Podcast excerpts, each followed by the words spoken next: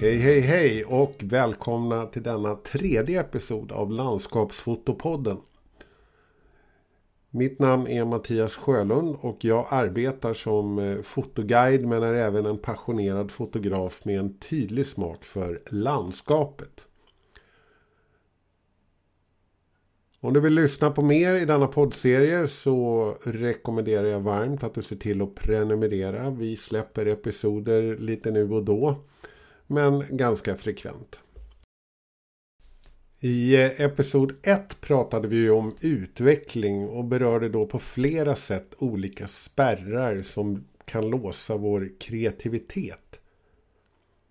Idag tänkte jag utveckla lite kring det men även dela lite tankar kring vad som kan tänkas röra sig i huvudet på en landskapsfotograf. Förmodligen är det väl ungefär samma saker som i alla andras, tänker jag. För egen del har jag en inneboende passion för kombinationen av natur och att fotografera. Och jag misstänker att du och jag delar den. Genom kameran förmedlar jag mina upplevelser och intryck. Och det här är ju en bubbla man ibland har lyxen att kliva in i. Ibland någon timme och i bästa fall ibland i fyra, fem dagar. Med ryggsäcken packad med både kamera och varm dryck så finns det två element som är dock ytterst centrala. Det ena är ju kanske vädret eller snarare ljuset som du inte kan kontrollera. Och sen är det dina förväntningar som vi även berörde i episod 1. Som du måste lära dig att kontrollera. De hänger ju dessutom intimt samman med resultatet. Vilket gör det jag nu pratar om oerhört viktigt. Som individer är vi ju alla i början av vår resa i regel proppfulla med förväntan oavsett om det är barndomens charterresa eller en stundande fotoresa till något spännande ställe. Du har kanske sett alla andras bilder och nu är det liksom din tur att sätta ditt avtryck. Men vad händer om solen inte går upp i öster? Och vad händer när dina förväntningar inte infrias? Ja, vi kan väl försöka bena ut det. Låtsas för en stund att din hjärna är en enarmad bandit. Och du vill ju såklart ha jackpot. Typ eh, tre körsbär. Istället får du två bananer och ett päron. Den stora frågan är ju nu, vad gör du med det? Om jag för resonemanget omsätter det här till något mer vardagligt. Exempelvis det är en helt vanlig lördag och du ska ut och fotografera i närområdet där du bor. Istället då för att fotografera något som du bestämde för flera dagar sedan. Låt istället ljuset och vädret diktera vad du ska fotografera. Det vill säga det som gäller för stunden. Exempelvis regnar det, ja men då är jag gärna ute i urskogen. Stormar det, då älskar jag att vara ute vid havet. Och skiner solen från en klarblå himmel, då får man vara kreativ och hitta på någonting som går att göra med det. Fota i motljus till exempel. Som landskapsfotograf blir det ju sällan bra när du i förväg bestämt dig för vad du ska fotografera chansen att eh, vädret blir som du hoppas är inte speciellt stor. Men visst, ibland har man lite tur också och det är väl tur det. Samma sak gäller när du är ute och ser dig omkring. Du kanske hittar något du gillar. Gör en analys. Är ljuset fördelaktigt? Om svaret är nej så kom gärna tillbaka senare om den möjligheten finns. En annan sak som rör sig i mitt huvud, en insikt som jag tror förr eller senare kommer till oss alla efter en tid, det är den starka oviljan att fortsätta köra i någon annans hjulspår. Om du själv eller någon du känner lärt sig spela exempelvis elgitarr någon gång så är sannolikheten rätt stor att riffet till Deep Purple Smoke on the Water vid det här laget driver dig till vansinnig. Beteendet att imitera för att lära är beprövat och det är oerhört bra och absolut inget vi ska förringa eller se ner på. Och om Smoke on the Water är den borne gitarristens väg till stjärnorna så finns det en rad episka motiv och landskap som tillhör fotografens. På vissa platser i världen får man ju nästan ta en kölapp fram till motivet numera. Och väl där så är det bara att köra ner ditt trebensstativ på samma ställe som personen före dig. Island och Norge har ju några av de här mer episka platserna och du hittar dem även i Skottland.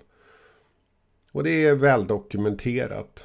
Där och på liknande platser som i Abisko eller Söderåsen kan du testa dina vingar och din tekniska färdighet för att se ut eller låta som originalet.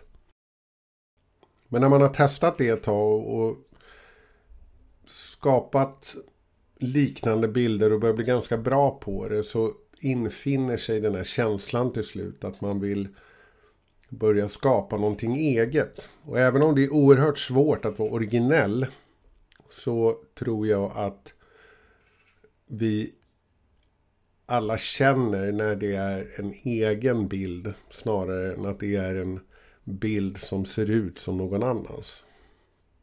Och här blir det därför passande att även lyfta fram skillnaden mellan någonting jag brukar kalla för det förväntade och det oväntade uttrycket. Och varför du kanske bör jobba med bägge och framförallt inte enbart med den förstnämnda.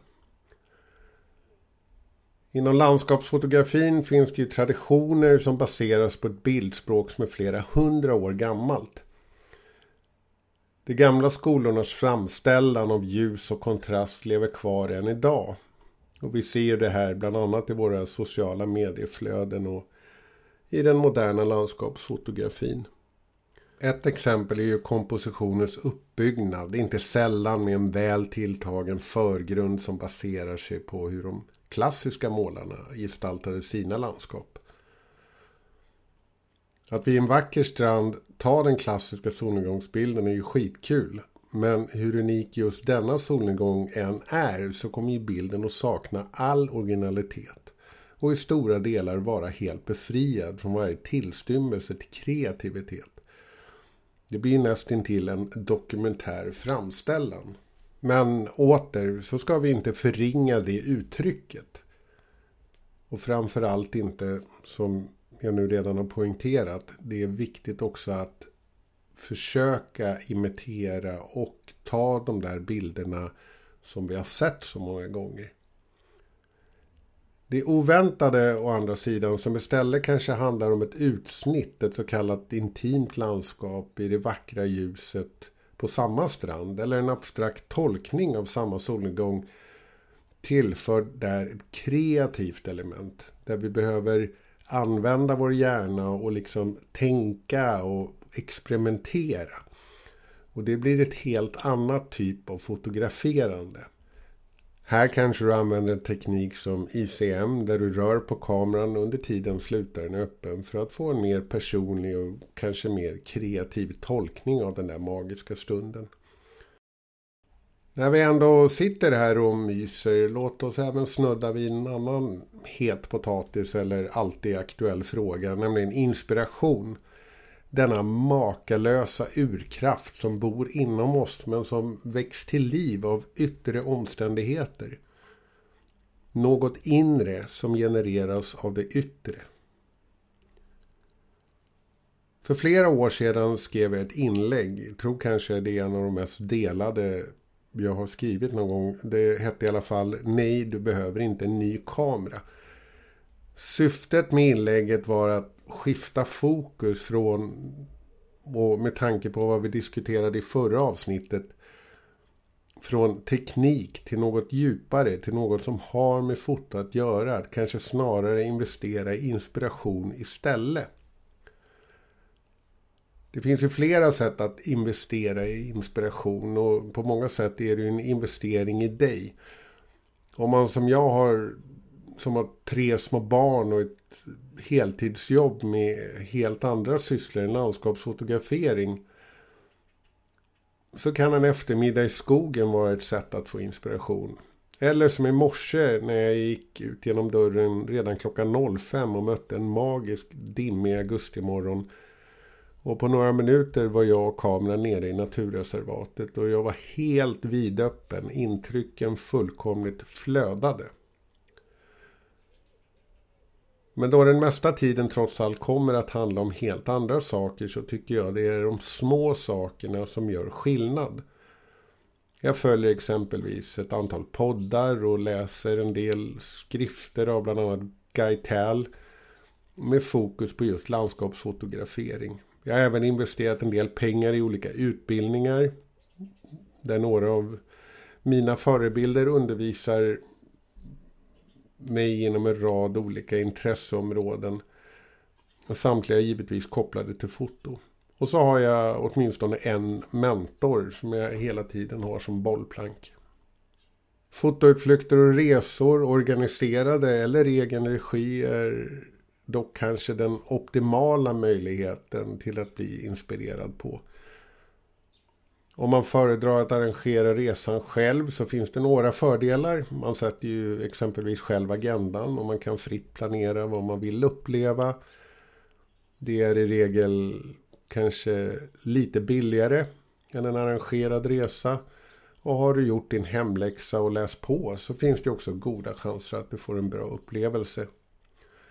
Arrangerade fotoresor har ju oftast den fördelen att de utöver ett välplanerat genomförande även innehåller en del utbildning och är lärarledda. Och det finns en guide med god lokal kännedom för att säkerställa god kvalitet.